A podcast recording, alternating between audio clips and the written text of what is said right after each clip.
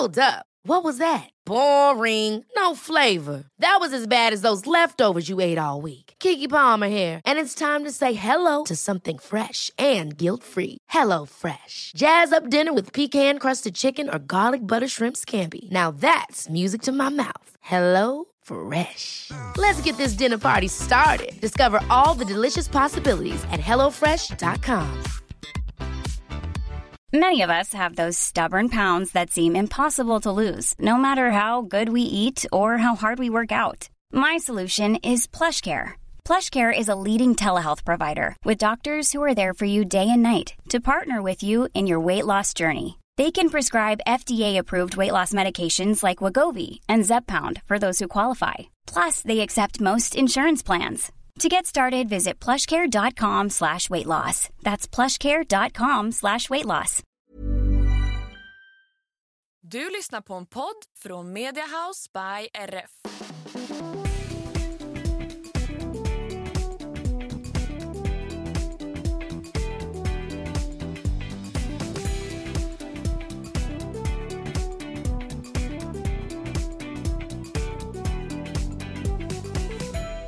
Hej på er allesammans och välkomna till systrarna Elfstrands hästpodd avsnitt 175. Välkomna, jag som pratar nu heter Emma. Och jag heter Anna och det här är podden om oss och våra fyra hästar och ridsporten i stort och smått. Det stämmer bra det. Och hur är läget med dig idag Ansi? Jo men det är bra men jag har lite ångest Över? att det inte kommer något regn. Jo, samma här. Jag får fan panik över att det är så torrt ute. Vi vill ha hö till våra hästar, vi vill ha hö till ja, men våra kunders hästar också för den delen. Mm. Just nu så ser det ut som att ja, men vi ska vara glada om vi får mat till våra egna i alla fall. Ja.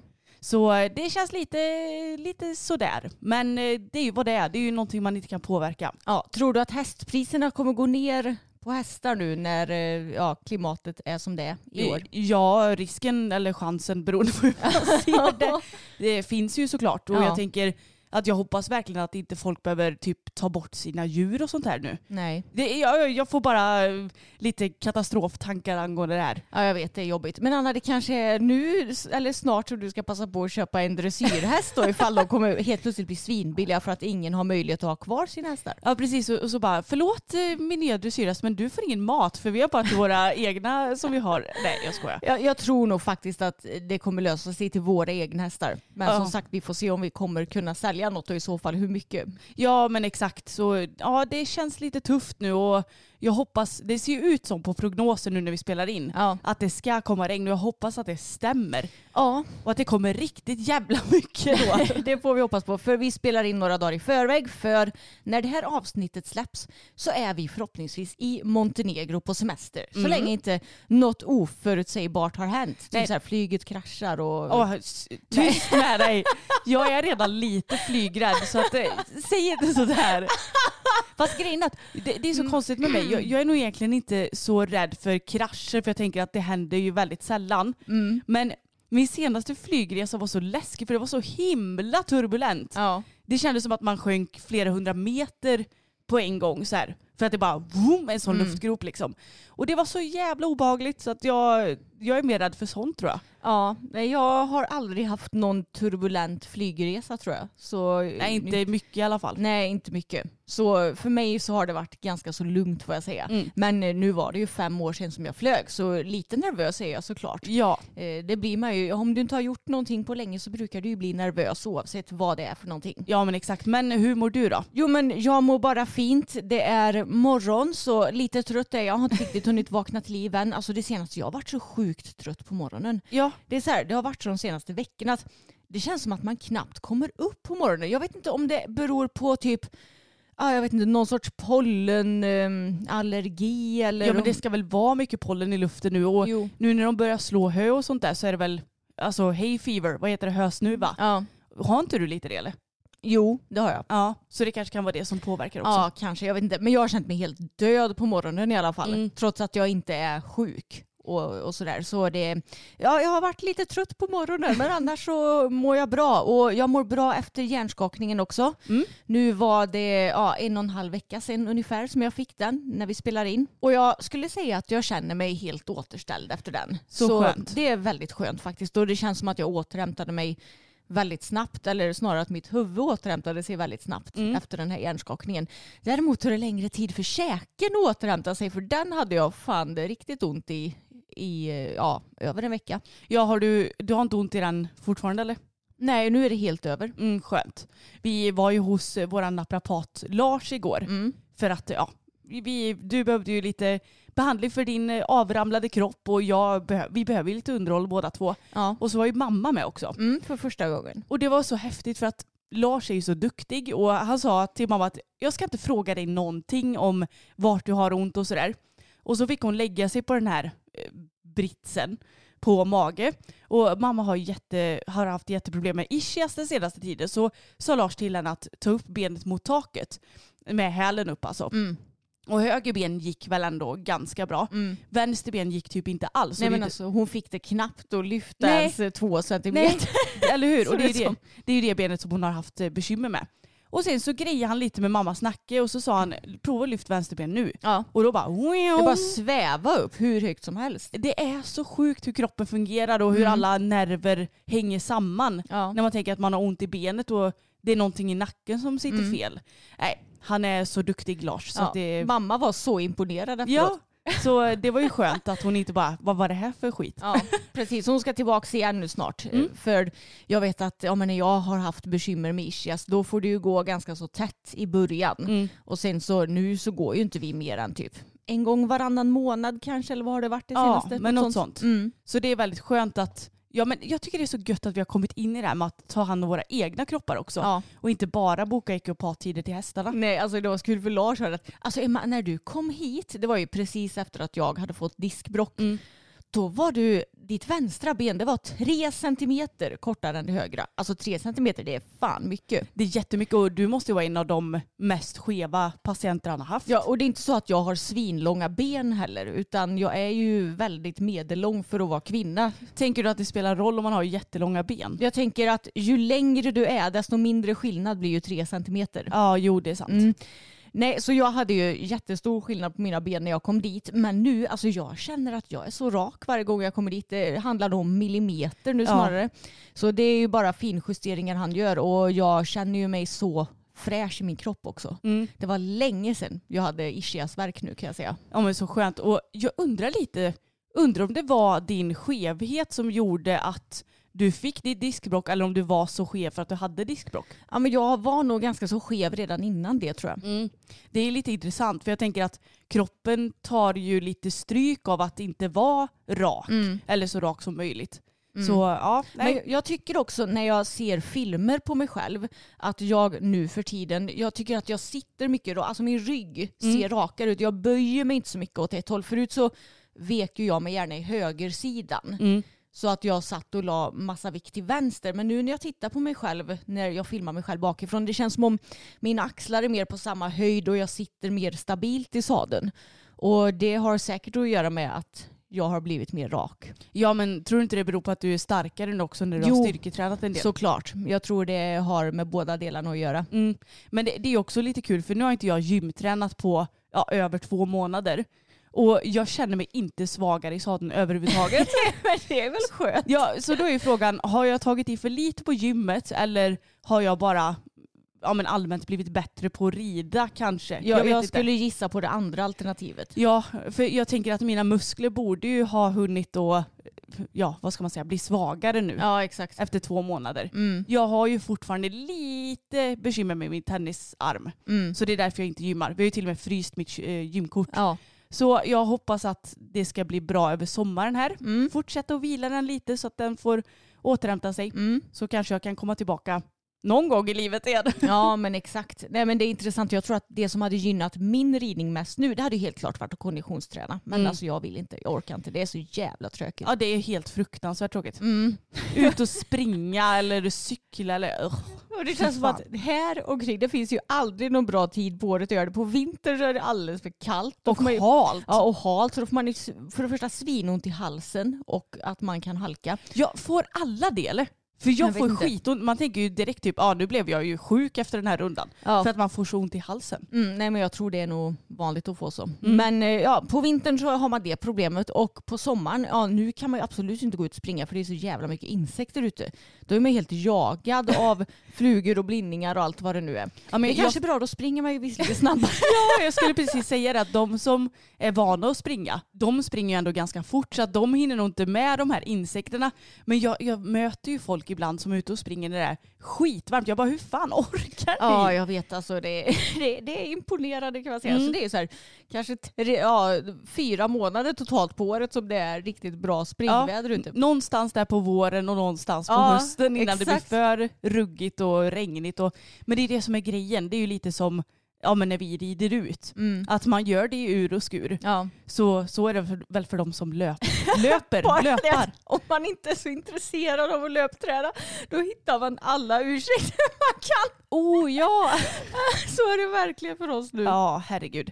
Nej, vi, jag har ju också en liten romantiserande bild av att löpträna. För det ser ju så härligt ut med folk som är duktiga på det. Mm. Men så ska man själv börja med det och jag har ju lite höftproblem Jo. och får ju lätt typ inflammation eller någonting i höfterna Mm. så fort jag överanstränger mig lite. Så då får jag ju ont i början också när jag springer. Mm. Då är det ännu mindre rockigt att fortsätta. Samma här. Men den här veckan så har ju du kommit tillbaka till sadeln också Emma. Ja. Hur har det känts? Jo men väldigt roligt och kanske också skönt för dig som har eh, sluppit rida så himla många hästar om dagen. Ja men faktiskt. Mm, nej men jag red för första gången för tre dagar sedan blir det nu idag va? Mm. Mm. Eller fyra, ja skitsamma. Och då skulle vi rida ut och jag red fokus. Du red först på Pebban, sen jag på fokus och sen pappa på Bella. Så var det va? Mm. Ja. Och pappa han är ju så rolig för då har liksom hans dotter flugit av, fått hjärnskakning och det är liksom dags för första passet. Och han vet om att Fokus han är allt pigg ute i skogen och när han går tvåa då Mm. brukar han vara pigg. Nu var det länge sedan som han typ bockade och hade sig för det kunde han ju göra förut. Mm. Nu blir han mest pigg och att han vill springa på väldigt mycket. Och så var det ju den här gången också. Det gick ju snabbt, det kan man säga.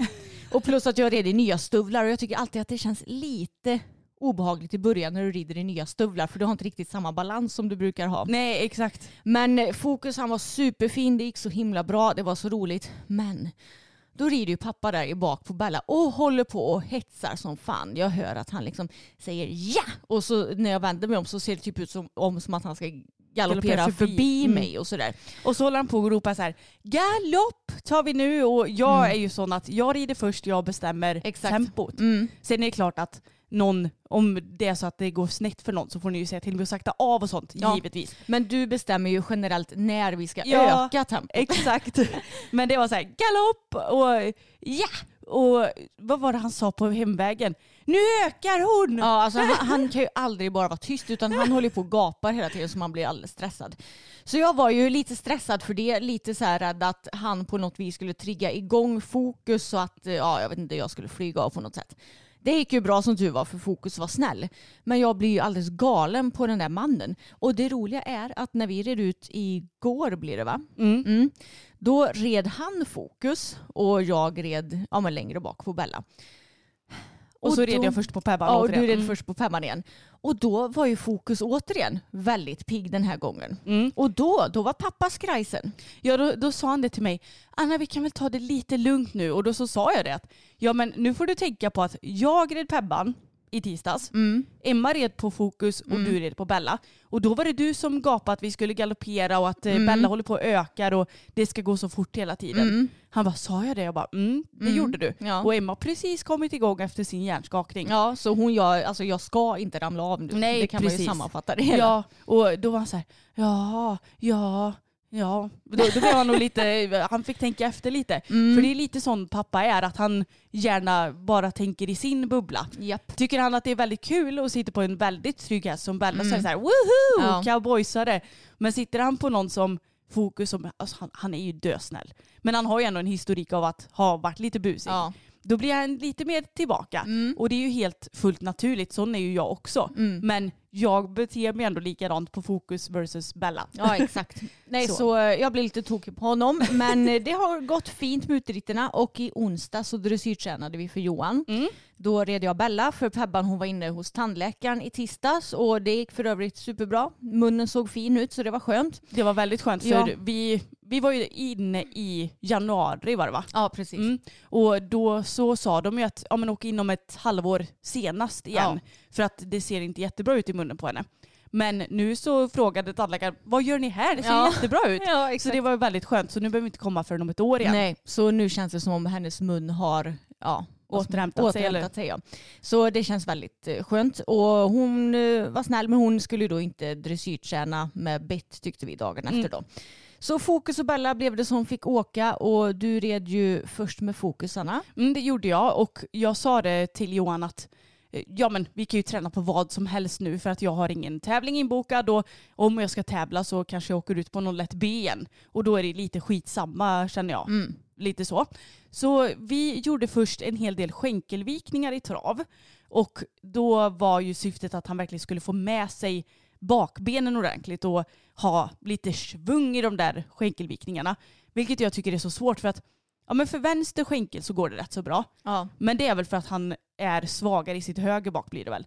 För att för höger skänkel så har han lite svårare för att liksom Mm. meh, få in det där höger. Bella hon är också lättare för vänster Mm. skänkel. Eh, sen är hon duktig för höger också. Hon har ju lättare, mycket lättare än Fokus har för att röra sig åt sidan. Ja, jag, jag har ju pratat om det tidigare i podden att Fokus han, han var ju verkligen, han satte ju fast i ett skruvstäd när vi köpte Ja. honom. Det gick inte att röra honom en millimeter åt sidan. Men jag tycker fan generellt att de flesta hästar, nu när jag tänker efter, att det är lättare att flytta hästarna för vänster skänkel. Ja, det är Men- samma med Tage. Ja, det är samma med Tage. Men det är väl säkert för att de flesta hästar är väl ändå svagare i det högra bakbenet. Ja, Och sen tänker jag, de flesta hästarna kanske framförallt är starkare i sin, vad blir det? Det måste väl bli vänstersida? Eller blir det högersida? Alltså, jag, jag menar själva musklerna. För jag tycker också att n- när man ska flytta hästarna i skänkelviktning åt höger, då tycker jag det blir svårare att ha dem raka i kroppen. ja, De vill gärna böja kroppen och kanske inte riktigt korsa benen så mycket som de ska. ja. Sen så vet jag inte heller om det beror på att det är jag som är skev Nej. och gör hästarna så här. Nej det är ju svårt att veta. Men, Men, i vänster tycker jag det är lättare att få dem raka, få till den här bara ställningen i nacken och sen att de korsar benen som de ska. mm. men det, det är ju det jag pratat lite om med Tage tidigare. Att i vänster, eller för vänster skänkel i skänkelvikning så flyter det på så himla mycket lättare. Mm. Och han ja, men blir inte alls sån att han går käpprätt åt sidan för det gör han för höger skänkel. Mm. Då blir han långsam och så går han bara rakt åt sidan i princip. Mm. Så i och för sig så kanske han ändå är ganska stark där. Men, nej men hur som helst så har jag mycket lättare för vänster skänkel. Det kanske är jag, det kanske är hästarna vi sitter på eller en kombination. Ja. Det vet vi inte.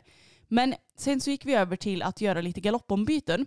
Och då så skulle jag galoppera genom kortsidan, göra som skänkelvikning. Det Mm. blir ju inte riktigt skänkelvikning eftersom man har galopp. Men sidförande Mm. galopp och ställa honom utåt från liksom, ja, men första bokstaven efter hörnet. Så om du kom i vänster galopp Mm. så skulle du ställa honom till höger då i skänkelviktningen? Exakt, och så skulle jag rida skänkelvikning för höger skänkel i Ja. vänster varv. In, dut, dut, dut, en bit in mot mitten Mm. och verkligen få med mig bakbenen ordentligt. Mm. Och sen så skulle jag, ja men det blir ju lite olika i de olika varven. I, för när jag gjorde i vänster varv så skulle jag verkligen få dem framåt först innan jag gjorde bytet. Och ja, i höger varv så spelar det inte så stor roll hur Mm. jag gör för då har han lättare för det. Och jag fick nog till vårt bästa byte till vänster galopp Ja, den här bra. dagen. Det var i slutet när jag bara, fasen jag får inte riktigt till honom att gå framåt för att han blev lite sådär, lite bakom när vi gjorde den här skänkelviksövningen för den är ju jobbig förstås. Och sen så var det så här, ja nu ska vi fram innan vi lägger bytet men då blev det lite så här, meh, eh. Så då verkligen jag tog min sitt så bara fram med dig. Och då kände jag hur han bara sprakade till i bakbenen och så la jag byteshjälpen och så bara pff, gjorde Mm. han världens byte. Så det var gött och en väldigt rolig övning. Du fick ju göra samma sak sen. Ja, typ. jag, jag gjorde ju typ eh, exakt samma övningar som du gjorde. Mm. Och hon var så himla fin på den här träningen Bella. Nu, alltså jag har inte ridit så himla mycket dressyr med henne det senaste för du har ju ridit henne en del. Pappa har dressyrtränat henne Mm. så ja, det har inte blivit att jag har ridit så mycket dressyr men fasen hon är i bra form kan man säga. Mhm. Det håller jag med om. Ja, så jag fattade inte riktigt hur jag skulle rida den här övningen som du pratade om i galoppen. Men hon gjorde den också bra skulle jag säga. Mm. Så ja, det var väldigt roligt. Hon känns väldigt stark i kroppen nu. I slutet tränar vi lite på ja, men, att samla galoppen mot piruettgalopp. Och jag tycker det är så kul för jag vet att i början när jag försökte tänka piruettgalopp, det har egentligen alltid varit lättare i vänster galopp. Alltså att hon har haft lättare att samla sig i vänster galopp. Mm. Men nu är det fasen tvärtom. Så det känns som om, jag, jag gillar ju när hästar byter sidor lite ibland för då känns det som om de utvecklas framåt. Ja, men jag tänker också det att ja, men gött då har de blivit lite starkare här nu så att de har bytt till att den före detta starka sidan blivit lite svagare. precis. så jag tänker också att det bara är positivt. Den här veckans poddavsnitt är i samarbete med Stable Planner. Och Stable Planner det är ett planeringsverktyg som gör att du får koll på stallsysslorna. Och det är perfekt för att verkligen få 100% koll på vem som gör vad i stallet. Ja men precis och i Stable Planner så lägger ni stallet till alla personer, till exempel personal, hästägare, ryttare som har ansvar i stallet och behöver se schemat. Alla dessa personer får då en egen inloggning till Stable Planner och kan vara med och planera kalendern.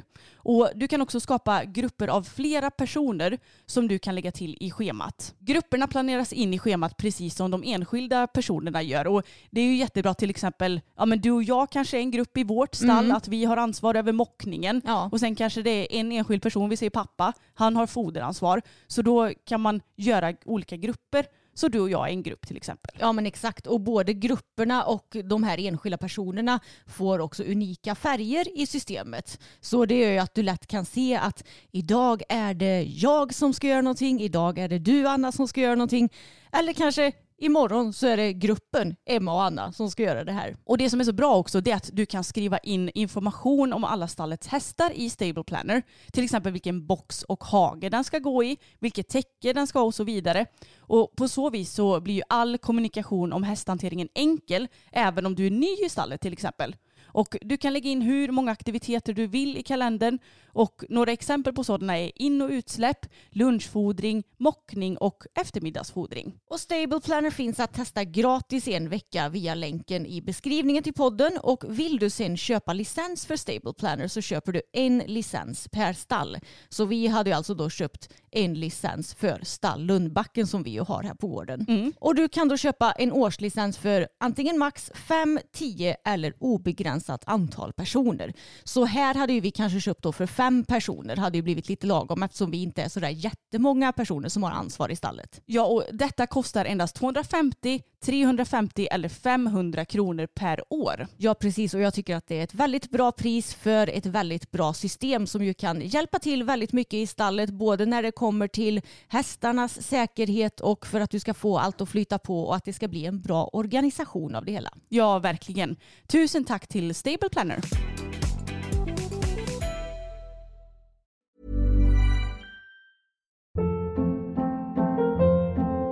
Hold up. What was that? Boring. No flavor. That was as bad as those leftovers you ate all week. Kiki Palmer here, and it's time to say hello to something fresh and guilt-free. Hello Fresh. Jazz up dinner with pecan-crusted chicken or garlic butter shrimp scampi. Now that's music to my mouth. Hello Fresh. Let's get this dinner party started. Discover all the delicious possibilities at hellofresh.com. There's never been a faster or easier way to start your weight loss journey than with PlushCare.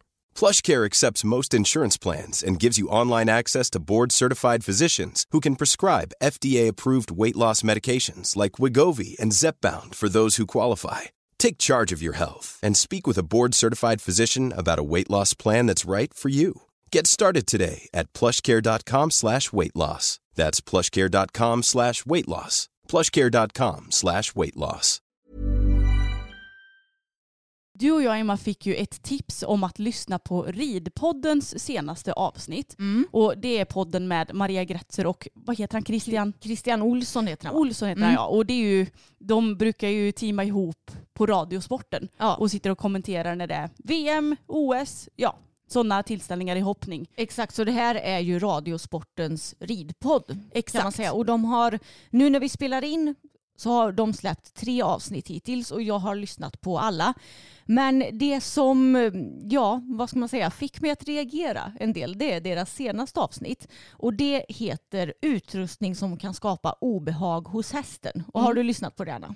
Det har jag gjort. Och jag måste bara säga att deras lilla jingel ger mig Mm. typ hjärtattack. Ja. För att det, det är typ som en gnäggande häst som bara "Ew!" Gud jag blev rädd varenda gång det kom. Ja, men i det här avsnittet då, då är det ju såklart Maria och Christian som pratar med varandra. Men sen så har de i alla avsnitt hittills haft med en annan gäst också. Mm. Och då, eh, Maria pratar aldrig med den här gästen utan det är typ Christian som ja, intervjuar denne lite grann. Eller ja, att den personen får ge sin infallsvinkel om det ämnet som de pratar om. Och i det här avsnittet så var etologen Lina Roth med. Och jag tyckte att hon sa många bra saker. Det var väldigt intressant. Och i avsnittet så pratade de dels, ja men lite i början om positiv och negativ förstärkning och träning av hästar. Kopplar det lite till träning av hundar och sen går de över och pratar lite mer om hästhållning och utrustning. Ja och en etolog är ju en person som forskar på ja, men, hästars beteende. Eller ja Mm. det behöver väl inte bara vara hästar va? Eller etolog just för häst. Jag kommer inte ihåg Nej. exakt men hon Ja. forskar i alla fall på beteende hos häst. Ja, och Lina hon säger då i podden att eh, vi inte ska vara blyga för att ifrågasätta det som vi gör och om det faktiskt är det bästa för hästen. Och att det behövs mer forskning inom hästvärlden för detta. För att tydligen så finns det mer forskning i hundvärlden om hur ja, till exempel hundar ser på interaktionen mellan människor. Förstod jag det som i alla fall. Jag fattade inte riktigt så här, vilka frågor som ställdes till henne och vad hon svarade på ibland för det var lite otydligt. Ja. Men jag förstod i alla fall att det, det finns ju tydligen mer forskning om hundars beteende mot hästars beteende. Mm. Så jag håller med om att det behövs ju absolut mer forskning inom hästvärlden för att vi ska kunna förstå våra djur mer och göra det bästa som vi kan åt dem. Ja, och för att det ska finnas någon grund att gå efter tycker jag. För forskning är ju ändå något som i alla fall jag tycker väger väldigt tungt. Ja, exakt. Och någonting som jag eh, reagerade starkt på i podden det var att Lina hon pratade då om etiken kring hästar som står på box länge. Och hon uppmuntrar ju precis som vi gör att hästarna ska få mycket utevistelse tillsammans med andra hästar. För det är ju då som de får sina grundläggande behov tillfredsställda. Som vi har sagt tidigare att oavsett hur mycket vi älskar våra hästar så kommer ju Ja, vi kan ju in- inte ersätta. Nej, vi kan ju inte ersätta en annan häst va? Nej. Tyvärr så är det ju faktiskt. Mm. Och hästar har ju också ett behov av att ja, men tugga, ströva, röra på sig. De vilar när de vill. De Ja, men de ja- jagar ju runt på varandra också tänkte jag säga. Ja. De går ju och, och puttar runt varandra i hagen och kliar och myser och sover tillsammans. Och, ja, de har det mysigt tillsammans helt enkelt. ja. Och när eh, Lina då pratar om det här så Ja, det var kanske lite som jag misstänkte att Maria hon håller inte med helt och hållet. Nej, inte alls Nej, skulle jag inte. vilja påstå. Jag skulle också vilja påstå det. Och hon, eh, ja, alltså, hon, hon gör ju det här klassiska att Ja, men hon, Maria, jag, jag har ju förstått det som att hon kanske har sina hästar ute några få timmar per dag och de verkar ju inte gå tillsammans med andra hästar. Nej, och om det är någon som går ihop med en annan så är det max två hästar. Ja, Men det är nog väldigt fåtal som gör det. Förstod jag det som, jag tolkade podden så i alla fall. ja precis. Och Lina, etologen, hon sa ju då att hästar gärna ska gå ute större delen av dygnet, vilket ju vi håller med om, så att de får sina grundläggande behov tillfredsställda. Och Maria hon, ja, hon säger då att hästar de vill inte gå i små leriga hagar hela dagarna. Och det här är ju så himla standard för jag tror att varje gång någon som har haft den typen av hästhållning som Maria har så är det alltid deras standardcitat. Hästar, men hästarna de ser inte glada ut när de går där i deras små hagar eh, själva hela dagarna. Men det är ingen som har sagt att de ska göra det. Nej men exakt och det känns som att det är det enda argumentet de har Mm. för att inte ha sina hästar ute. Att, ja men de vill inte gå i små leriga hagar men Mm. det är ju heller inte det som är normen tänker jag. Nej, exakt. I alla fall för de som har en ordentlig lösdriftshage har ju inte små leriga hagar. Nej, precis. Och jag tycker att det är så kul för Christian, trots att han inte är kanske sådär superkunnig på hästar så vågar han ändå ifrågasätta Maria Mm. en del i podden och säger det att ja, men Maria Lina, etologen, hon sa aldrig att hästarna skulle gå i små hagar Mm. till exempel. Så jag tycker att det är roligt för det märks att Christian är journalist för han har verkligen lyssnat på vad etologen Lina sa. Ja och han vågar också ifrågasätta. Han är inte rädd för vilket svar som kommer komma Nej. från Maria. Liksom. Exakt och någonting mer som jag vet att Maria sa när eh, ja, Lina pratade om att hästar ska få mycket utevistelse och sådär. Det är så att ja, men hästar kan inte gå med en decimeter päls på vintern heller. Och att det ja, blir jobbigt när man ska träna dem och sådär. Men det är också så här, jag förstår inte varför Ja men som sagt, folk som har den hästhållningen som Maria, de ska allt, alltså allt är verkligen svart eller vitt. Jag vet, det är draget till sin yttersta spets. Precis, det är så här, ja men om hästarna ska gå ute på lösdrift då till exempel, som vi har våra, ja men då, då ska de inte ha några tecken på sig, de, eh, de, De ska gå barfota, Ja. de ska ha tre kilometer lång päls, Ja. fem kilometer lång man. Mm. De ska ja, men, knappt ridas på heller, Nej, typ, exakt. känns det som. Alltså det, det finns ju så många alternativ däremellan. Det är hästar som går på lösdrift, de kan vara klippta. Sen så måste man inte helt klippa dem. Nej. Det gör ju inte vi till exempel utan vi ja, halvklipper våra skulle jag säga. Mm. Sparar päls där det, behöver, där det behövs sparas och tar bort päls där hästarna brukar svettas helt enkelt. Och det, är liksom, det, det, ja, det känns som att Maria letar så himla mycket problem. Ja, ja, det får jag verkligen säga också. Mm. Och som vi nämner typ varenda gång vi tar upp det här med lösdriftsstall respektive box är ju att det, vi tycker absolut inte att det är fel att ha hästar på box Mm. men för oss så är det så självklart att ta ut hästarna så mycket som möjligt. Mm. Även när vi hade hästarna på box så gick ju de ut vid 6-7 på morgonen och kom in 9-10 på kvällen. Ja. Så att det blev ja, 8 till max 10 timmars ja, vistelse på box i rad. Liksom. Mm, precis. Men jag tyckte det var lite kul också för när Christian sa till Maria att ja, eh, Lina hon sa ju aldrig att hästarna skulle gå i små hagar. Mm. Det, då säger Maria att eh, det nog blir svårt för många hästägare att erbjuda sina hästar stora hagar där de kan inom stationstecken rasta sig. Och det här, för jag förstår inte hur det här kan vara ett problem i Sverige. För vi är ju ett så stort land, vi har så mycket mark. Och ganska få personer på vårt stora land. Exakt. Det är ju skillnad på typ Holland Mm. det, som är ett litet land och som inte har så mycket mark och svinmånga hästar.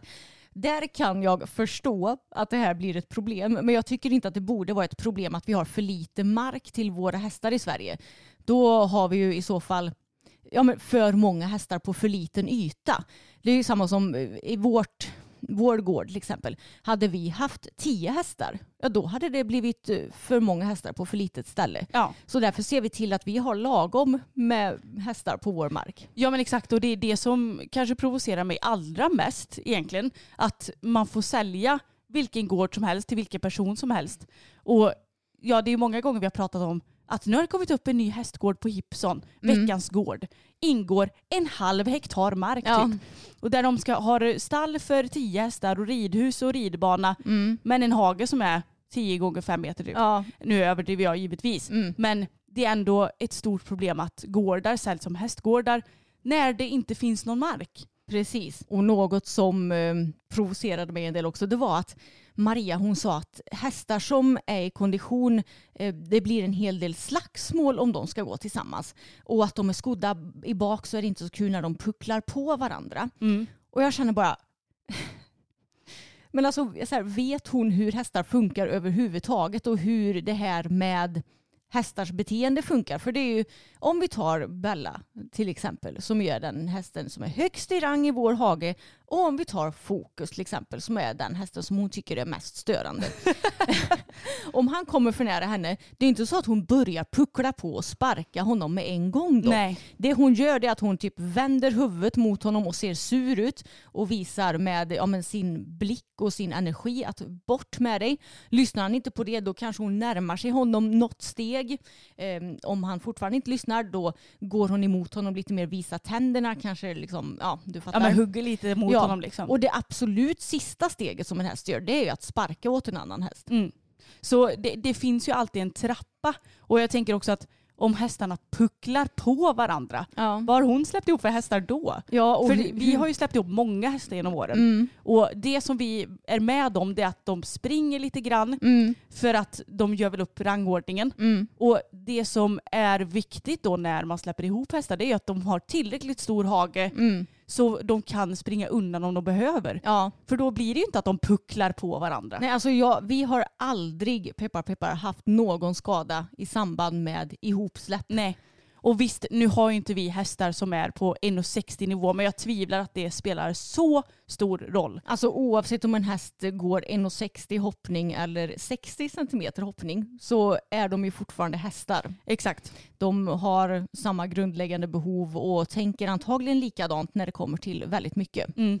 Så jag tycker bara det är skrämmande att sånt här, eh, alltså sån här okunskap och sån här inskränkthet inskränkthet och åsikter får spridas i en podd som Radiosporten också har och står bakom. Mm. Tycker det är väldigt konstigt för jag kan tänka mig att det kanske är många eh, som kanske har Maria som sin idol eller vad det nu kan vara och som hör det här och som kanske ska skaffa sin första häst och bara nej men den kan jag ju inte ha tillsammans med någon annan häst. Då kanske det blir slagsmål och de pucklar på varandra och den kan ju inte gå ute hela dagen Mm. heller för det, då kommer den att vara olycklig. Ja för då, då står den ju där och hänger i hagen och ser ledsen ut. Ja, exakt. Nej, jag tycker, jag, jag tycker bara det är så tråkigt. Och jag minns om det var tidningen Ridsport eller Hipson som skrev en artikel om hoppryttaren Mikaela Gustafsson var det va? Mm. Som hon gick ut med att hon har börjat ha ute sina hästar mindre. Alltså att de står på stall mer.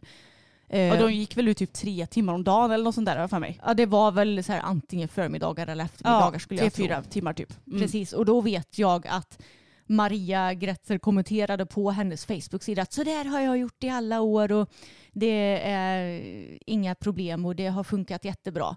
Men det är också så här, de här människorna de ser ju hästarna som en industri och Mm. de ser ju inte på hästar som vi gör som, alltså vi ser ju verkligen hästar på som djur och Ja. att de ska få först och främst sina behov em, tillfredsställda och sen efter det då kommer det som vi vill. Ja exakt, att vi får rida lite på dem. Precis, att vi får rida lite på dem och att vi får ha glädje av dem medan de som ja, men har hästar mer som en industri, att de ska tjäna pengar på sina hästar. Då är det först och främst jag ska tjäna pengar på hästen och sen kommer hästens behov Mm. I andra hand. Och ja, jag vet inte, jag tycker bara det är tråkigt och jag, jag måste säga att en sak som jag tyckte var rolig också i podden det var att Christian, han återigen ifrågasatte Maria och sa att Maria, har du tänkt på att du pratar som om det bara är du som gör rätt och att alla andra gör fel? Ja, jag tyckte det var lite kul för det är klart att man gör ju själv det som man tycker är rätt. Ja, och Såklart. tror det är rätt kanske. Ja, ja men exakt. Men eh, det var, ändå, det var ett väldigt kul citat ändå. Ja, det var väldigt roligt. Och i slutet av podden så tar de också upp spö och sporranvändning och att det är bra att vi ifrågasätter gamla traditioner. Det säger ju då etologen Lina. Eh, och att de pratar kanske lite också om ja, men ifall det är i framtiden kommer vara etiskt rätt att till exempel ha hästar i tävling. Och det är ju någonting som vi har funderat på en del. Och här tror jag också att Maria är lite konservativ för det känns som om hon eh, hon kanske inte tycker att det är ett så himla stort problem. Mm. Om du fattar vad jag menar. Medan om jag till exempel tar vår hopptränare Sussi som exempel. Jag vet att typ ja, men de allra första träningarna vi hade med henne så pratade vi om att ja, nu är det ju alltså en stor lupp på ridsporten. Det kan komma att ske mycket ändringar i framtiden. Kanske kommer vi inte få tävla med spö, kanske kommer vi inte få tävla med sporrar. Och därför så är det viktigt att vi tränar våra hästar så att de ska kunna ja, men, Ja, men vara så känsliga som möjligt så Ja. att de inte behöver en massa hjälpmedel. Precis, och att vi ska få det så harmoniskt som möjligt. Ja. Så det är ju liksom den approach- Filosofin. Ja, filosofin som vi har ja, men när vi tränar för henne då till exempel. Mm. Och det tycker jag är en väldigt hälsosam filosofi även om det kanske inte kommer bli så om fem, tio år. Men att det kanske är så som sporten kommer se ut så småningom. Och i slutet av podden tog de också upp hur det skulle gå ifall vi inte fick tävla med varken bett, spö eller sporrar. Mm. Och då sa ju Maria någonting som jag eh, kanske inte riktigt håller med om. Nej, för hon sa ju något i stil med att det kommer inte att funka för att vi har avlat fram hästar Nej, har... då kommer vi behöva avla fram hästar. Just det, ja, då, då kommer vi behöva avla fram hästar som är ännu känsligare. Ja, som nästan ingen kan rida på. Mm, för hon- att de, det ska funka, att inte ha Ja. så stora hjälper då Ja, typ. Så hon menar väl att man behöver avla fram hästar som är så heta och känsliga att ingen av de här hjälpmedlen behövs. Medan jag ju lite mer tror att, säg i framtiden att du varken får tävla på bett, spö eller sporrar. Och då hade du ju redan från första början tränat hästarna på det här viset. Exakt. Och då hade det ju inte varit några konstigheter. Nej, för nu så känns det ju som att ja, men man slänger ju på sporrar redan på en fyraåring. Ja. Liksom. Mm. Och då blir ju det en vana. Mm. Och man slänger ju in ett bett i munnen direkt för att den ska vänja sig. Vilket jag förstår för Mm. man rider väl kanske traditionellt med bett. ja. Och så, så det är väl egentligen inga konstigheter. Nej. Men man vänjer ju in hästen från början Mm. vid viss utrustning. Ja. Och då är det väl bara att inte vänja den vid sporrar och spö och alltihopa. Ja precis. Jag, jag tror ju knappast att vi behöver ännu hetare och känsliga hästar för att få det här att funka. Nej, och jag tycker också det är lite motsägelsefullt för att jag tänker att ett bettlöst träns ofta, det finns ju väldigt skarpa sådana, Mm. men jag tänker att om de förbjuder bett i framtiden så kanske de inte heller tillåter de här hackamålen som är Mm. med sju meter skänklar typ. Nu överdriver jag. Men Mm. eh, jag tänker att ska du ha en hetare häst, Mm. då så blir det ju kanske svårt att bromsa den istället. Ja, Om du inte får ett bett. mm. precis. Jag fattar vad du menar. Ja. Ja, nej, så återigen, det känns som att hon hittar på ett problem som inte finns. lite så. Men det, hon är ju väldigt konservativ i sitt tänk, det märker man ju. Men jag tycker bara, som sagt, att det är tråkigt att det här får höras på, det är ändå statlig radio. Ja och framförallt när en som forskar kring Mm. det här säger vissa saker så bara, nej men det tycker inte jag och det håller inte jag med om. Nej. Men som jag sa innan, jag tycker att forskning väger ju ändå ganska tungt. Det är inte så att de Mm. bara har googlat lite i någon minut och så bara, ja men kommer med ett påstående. Utan de har ju Mm. jobbat med att söka efter information länge. Ja, det, det är tråkigt när man inte vill eh, ta till sig av det, vad Mm. någon forskare säger. Nej men så summa summarum om det här poddavsnittet så Mm. håller vi ju verkligen inte med Maria utan vi, jag tyckte det var väldigt intressant att höra vad etologen hade att säga. Mm. Men eh, ja, jag Och- vet inte. Nej men sammanfattningsvis, bara för att ett proffs säger en sak så behöver du inte lyssna på det Nej. som proffset säger. Det behöver inte vara rätt. Det behöver inte vara rätt utan gå på forskning i första hand, vad som är bäst för hästen i första hand och lita på din magkänsla.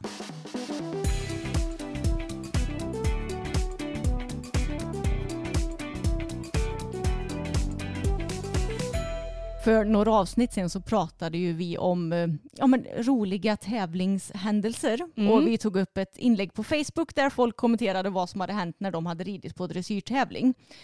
Och för några dagar sedan så delade Hipson att ibland kan dressyr och stilhoppningsdomare skoja till det, medvetet eller omedvetet är oklart. Här är några roliga kommentarer från dressyrprotokoll. Har ni skrattat högt åt era protokoll någon gång? Och jag tyckte inte att grejerna i deras artikel var så roliga, men däremot så tyckte jag det var några riktigt charmiga kommentarer i själva inlägget. Okej. Så jag tänkte att jag ska läsa upp dem. Första kommentaren från domaren då. Jag var rädd hela tiden och glad när det var över. Lätt B3 på en liten galning. Nej men gud! Och det här tycker jag var så roligt. Något över tygen när hästen stegrade i en framdelsvändning. Går ej fram, vill ha flytväst om häst som stannar framför stor pöl på ridbanan. Jaha men vad gulligt. Så gulligt. Det här är också en rolig kommentar. Jag var gift med en domare som en gång lutade sig ut ur domarkuren för att titta på en halt samtidigt som han åt en smörgås. Detta resulterade i att ponnyn fick en gurka och ostskiva på rumpan. Tack och lov märkte inte ponnyn något. Passar väl inte helt inåt här men vad vi har skrattat åt detta efteråt. Men alltså vad i hela friden? Alltså det som jag tänker på det är så här, hur nära var det här domar... Båset. Ja precis. jag tänker också om du tittar ner på hästens rumpa. Ah, så roligt. Hälsosamt förhållande till traktorer. Hästen stannade och tittade på traktorn som kom på gärdet och vägrade gå förrän traktorn svängde. det är roligt. Försök rid bättre. Är inte det det vi gör, alla gör hela tiden? Men va? Mm. Det är ju inte så att man går in på dressyrbanan och bara nu ska jag göra mitt sämsta. Nej, jag vet. Fint piaffarbete ingår dock inte i detta program. Får man inte extra poäng när man gör mycket svåra rörelser än vad som ska vara? Exakt. För dagen något spänd, troligtvis kissnödig, när ponnyn i sista halten stannade och kissade i cirka tio minuter. Men va? Bara, vi får ställa in nästa start för Mm. mm. ponnyn håller på och kissar. Japp. För övrigt, hur många gånger har man inte fått något spänd för dagen? Ja, ja, så många gånger. Ja. Det här var ju knäpp. Hästen snyggare än ryttaren. Va? Skämtar du med mig?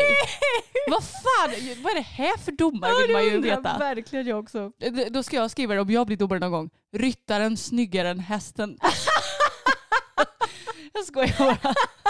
Alltså vad fan, jag är helt eh, i chock. Ja men det var nog eh, lite mina favoriter skulle jag säga. Ja men alltså den sista kommentaren, Mm. det är ju bara ett bevis på varför folk sitter där sminkade Ja. med fixat hår, med putsade stövlar. Ja det är klart att man putsar stövlar inför Mm. dressyrstart men du förstår vad jag menar. Ja.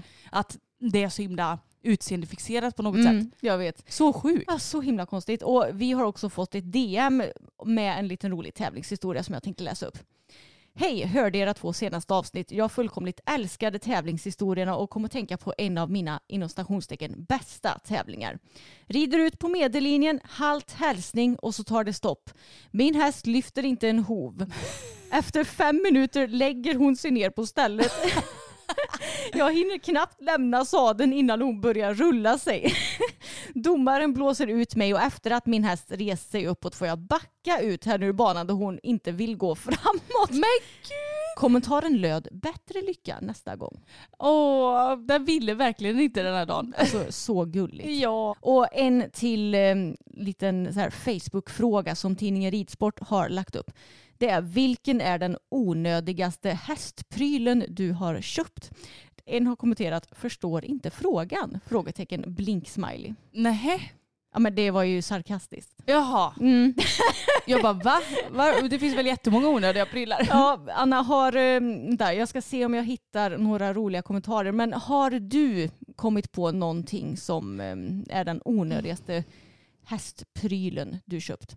Oj vilken bra fråga. Alltså det enda som jag kommer på just nu det är de här jävla värmesulorna vi köpte till Oh. våra skor som inte passade i skorna. Ja men grejen är att det är ju egentligen inte någon onödig Nej. hästpryl utan hade de funkat så hade det varit nice. Hade vi haft dem idag till våra såna här stora du vet, gummistövlar Ja. med, som bara har en varm sula i. Alltså herregud vad varma våra fötter hade varit. Ja. Och det hade ju varit toppen men det funkar ju inte till bara vanliga jodhpurskor Nej. som vi hade då. Precis.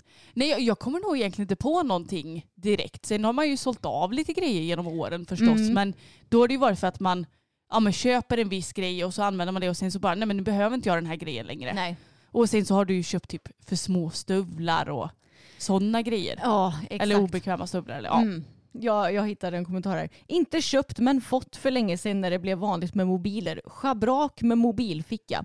Inte så bra om man blir liggande ute någonstans och hästen springer hem med mobilen. Det roliga är att jag tänkte ju också på det här Ja. innan bra mobilfickor fanns på Ja, ridbyxor. jag. För det, det hängde ju inte riktigt med ridbyxmodet versus stora telefoner. Exakt. Och då var det så här, fasen man kanske skulle sytt fast någonting på schabraket när det Mm. var varmt ute. Men det är ju helt värdelöst om man har den här som Tage som om man åker av i skogen så säger han tack och hej leverpastej vi ses hemma. Ja, men jag kommer ihåg när Tyra Sjöstedt hade sitt ridmärke. Då hade ju hon schabrak med mobilficka. Just det. Och redan då tänkte jag att men det här är väl ingen bra idé. Men visst hade hon också någon typ t-shirt med mobilficka på magen vill jag minnas. Ja, det, det är ju en desto det bättre. var bättre. bättre idé Ja. i så fall. Men just när något sitter på hästen så kanske det inte är den bästa idén. Nej. Men om ni som lyssnar har haft någon onödig hästpryl som ni Mm. har köpt, kan inte ni kommentera det? Antingen i Facebook på vår eftersnacksgrupp där vi, eller vi säger jag, där Evelina alltid lägger upp när vi har lagt upp ett nytt eh, poddavsnitt och Mm. så. Vore kul att veta. Ja. Då kanske vi kan göra en uppföljare så småningom. Precis. Sen kan ni också kommentera på vårt Instagram-inlägg om det är så att ni inte Ja. har Facebook.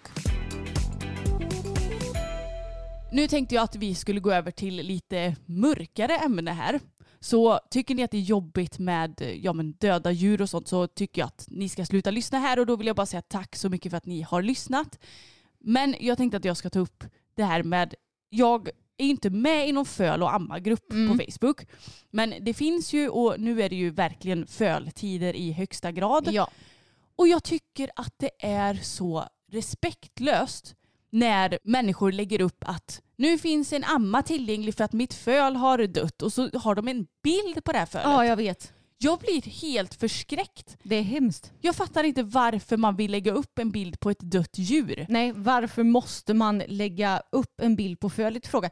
Kan man inte bara lägga upp en bild på stoet i så fall? Och jag menar, Exakt. det behöver inte vara en nytagen bild på stoet. Det kan ju vara en liksom, gammal bild bara så man ser kanske lite vad det är för typ av häst. Precis, för det är ju såklart en väldigt viktig grupp. För jag menar det är ju ibland så dör föl, ibland så dö- dör mammor så att de behöver paras ihop. Och det, det är ju jättefint att det går att lösa.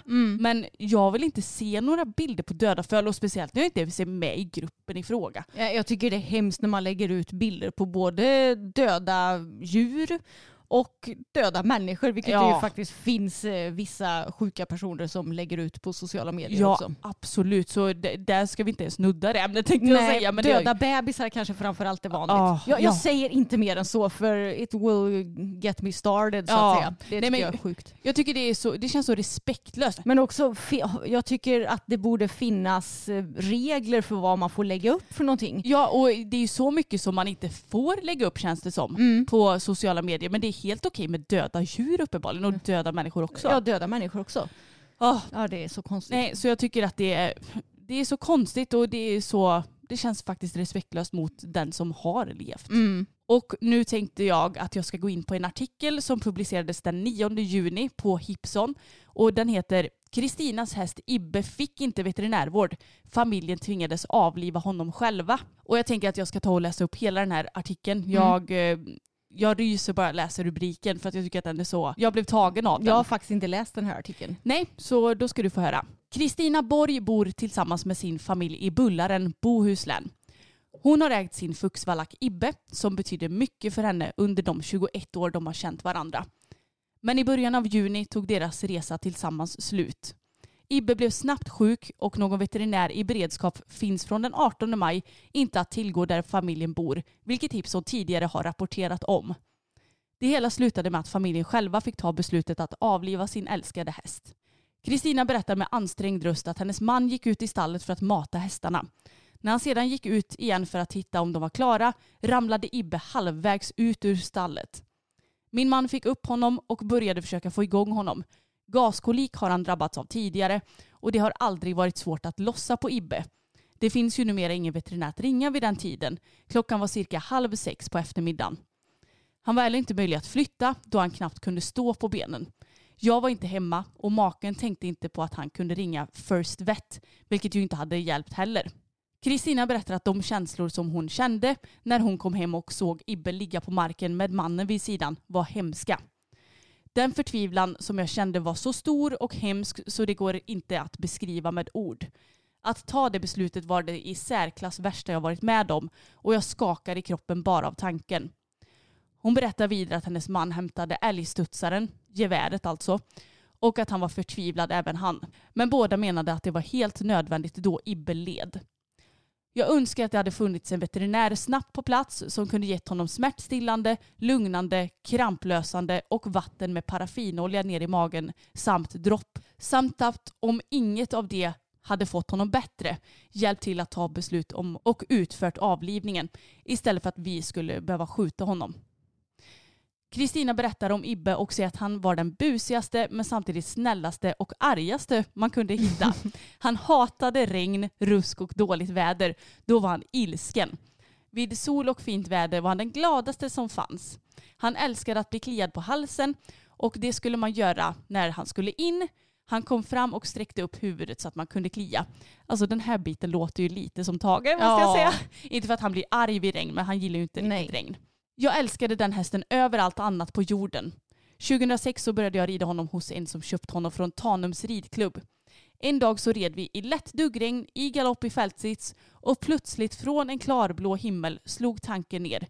Jag tänkte att herregud, jag sitter på mina drömmars häst här och nu.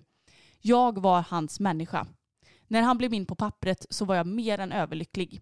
Jag skulle ha gett min högra arm för att få ha kvar honom i livet. Han var mitt allt, min själsfrände. Mitt hjärta är utslitet ur min kropp och jag är så tom, så tom, säger hon. Och då frågar Hipson, har du varit i kontakt med försäkringsbolaget? Och då så svarar Kristina, jag meddelade försäkringsbolaget via sms eftersom jag inte klarar av att prata med dem. Det hade inte gått att höra eller förstå vad jag sagt eftersom jag stortjuter så fort jag pratar om det. Vad vill du säga till Jordbruksverket? Jag vill säga att de inte har försökt tillräckligt och snabbt nog. Samt att de borde sett till att denna situationen aldrig någonsin kunde uppstå. Veterinärer finns och de kunde sett till att de som finns i vårt område hade delat på bördan med att ha beredskap. Kanske en vecka var. Jag håller Jordbruksverket direkt ansvariga för Ibbes död. Ja, fy fan. Och det är också sånt här som gör mig så tacksam över att vi har duktiga veterinärer i vår närhet. Mm. Och det är så sjukt för jag har aldrig tänkt på att det inte är en självklarhet överallt. Nej, jag vet. Utan jag tänker bara att ja, men veterinärer finns och händer det något akut på natten eller när som helst om man inte kan flytta hästen så finns det veterinärer att ringa. Precis. Men uppenbarligen så är inte det självklart överallt. Nej, det har väl blivit en förändring nyss va? Ja, jag tror det. I det området där eh, de bodde. Ja. Eh, Alltså det är för jävligt men också väldigt, väldigt starkt gjort av dem att de faktiskt eh, lyckades avliva hästen själv. Och det var Ja. ju helt klart rätt beslut. Men fy fan att du ska inte behöva göra det själv Nej. på din egna häst. Det är helt fruktansvärt och det är ju inte ens självklart att det finns någon i närheten med vapen. För att, Nej för att ha vapen så behöver du ju vara jägare och ha en anledning till att ha vapnet. Liksom. Mm. Så jag menar, det är inte ens självklart att det går att lösa själv. Nej Vad fan gör man då? exakt. Nej, det är helt vedervärdigt och Ja. jag ryser bara jag tänker på det här nu Mm. för att det är så fruktansvärt.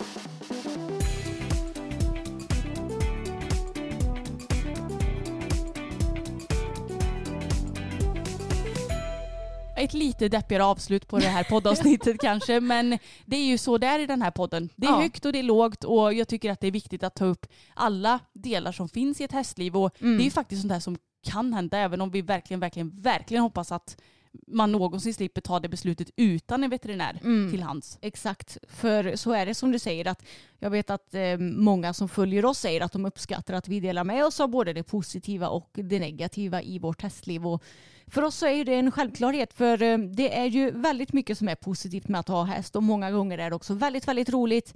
Men vissa andra gånger så är det ju rent ut sagt för jävligt också. Ja, och väldigt psykiskt tärande många gånger Ja. också för den delen. Även om det ofta är psykiskt upplyftande att ha häst.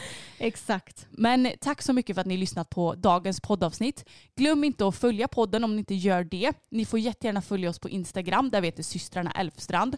Vi har ju en eftersnacksgrupp i Facebook, den finns länkad i beskrivningen och där finns också länk till våran poddmerch. Precis, och i beskrivningen hittar ni också länk till Stable Planner som ni kan testa gratis i en vecka via den länken. Precis, och jag glömde också, vi har ju en YouTube-kanal. Ja. Den är också länkad i beskrivningen. Allt är länkat i beskrivningen kan man säga. Exakt. Ha det världsbäst så hörs vi igen om en vecka. Hej då! Hej då!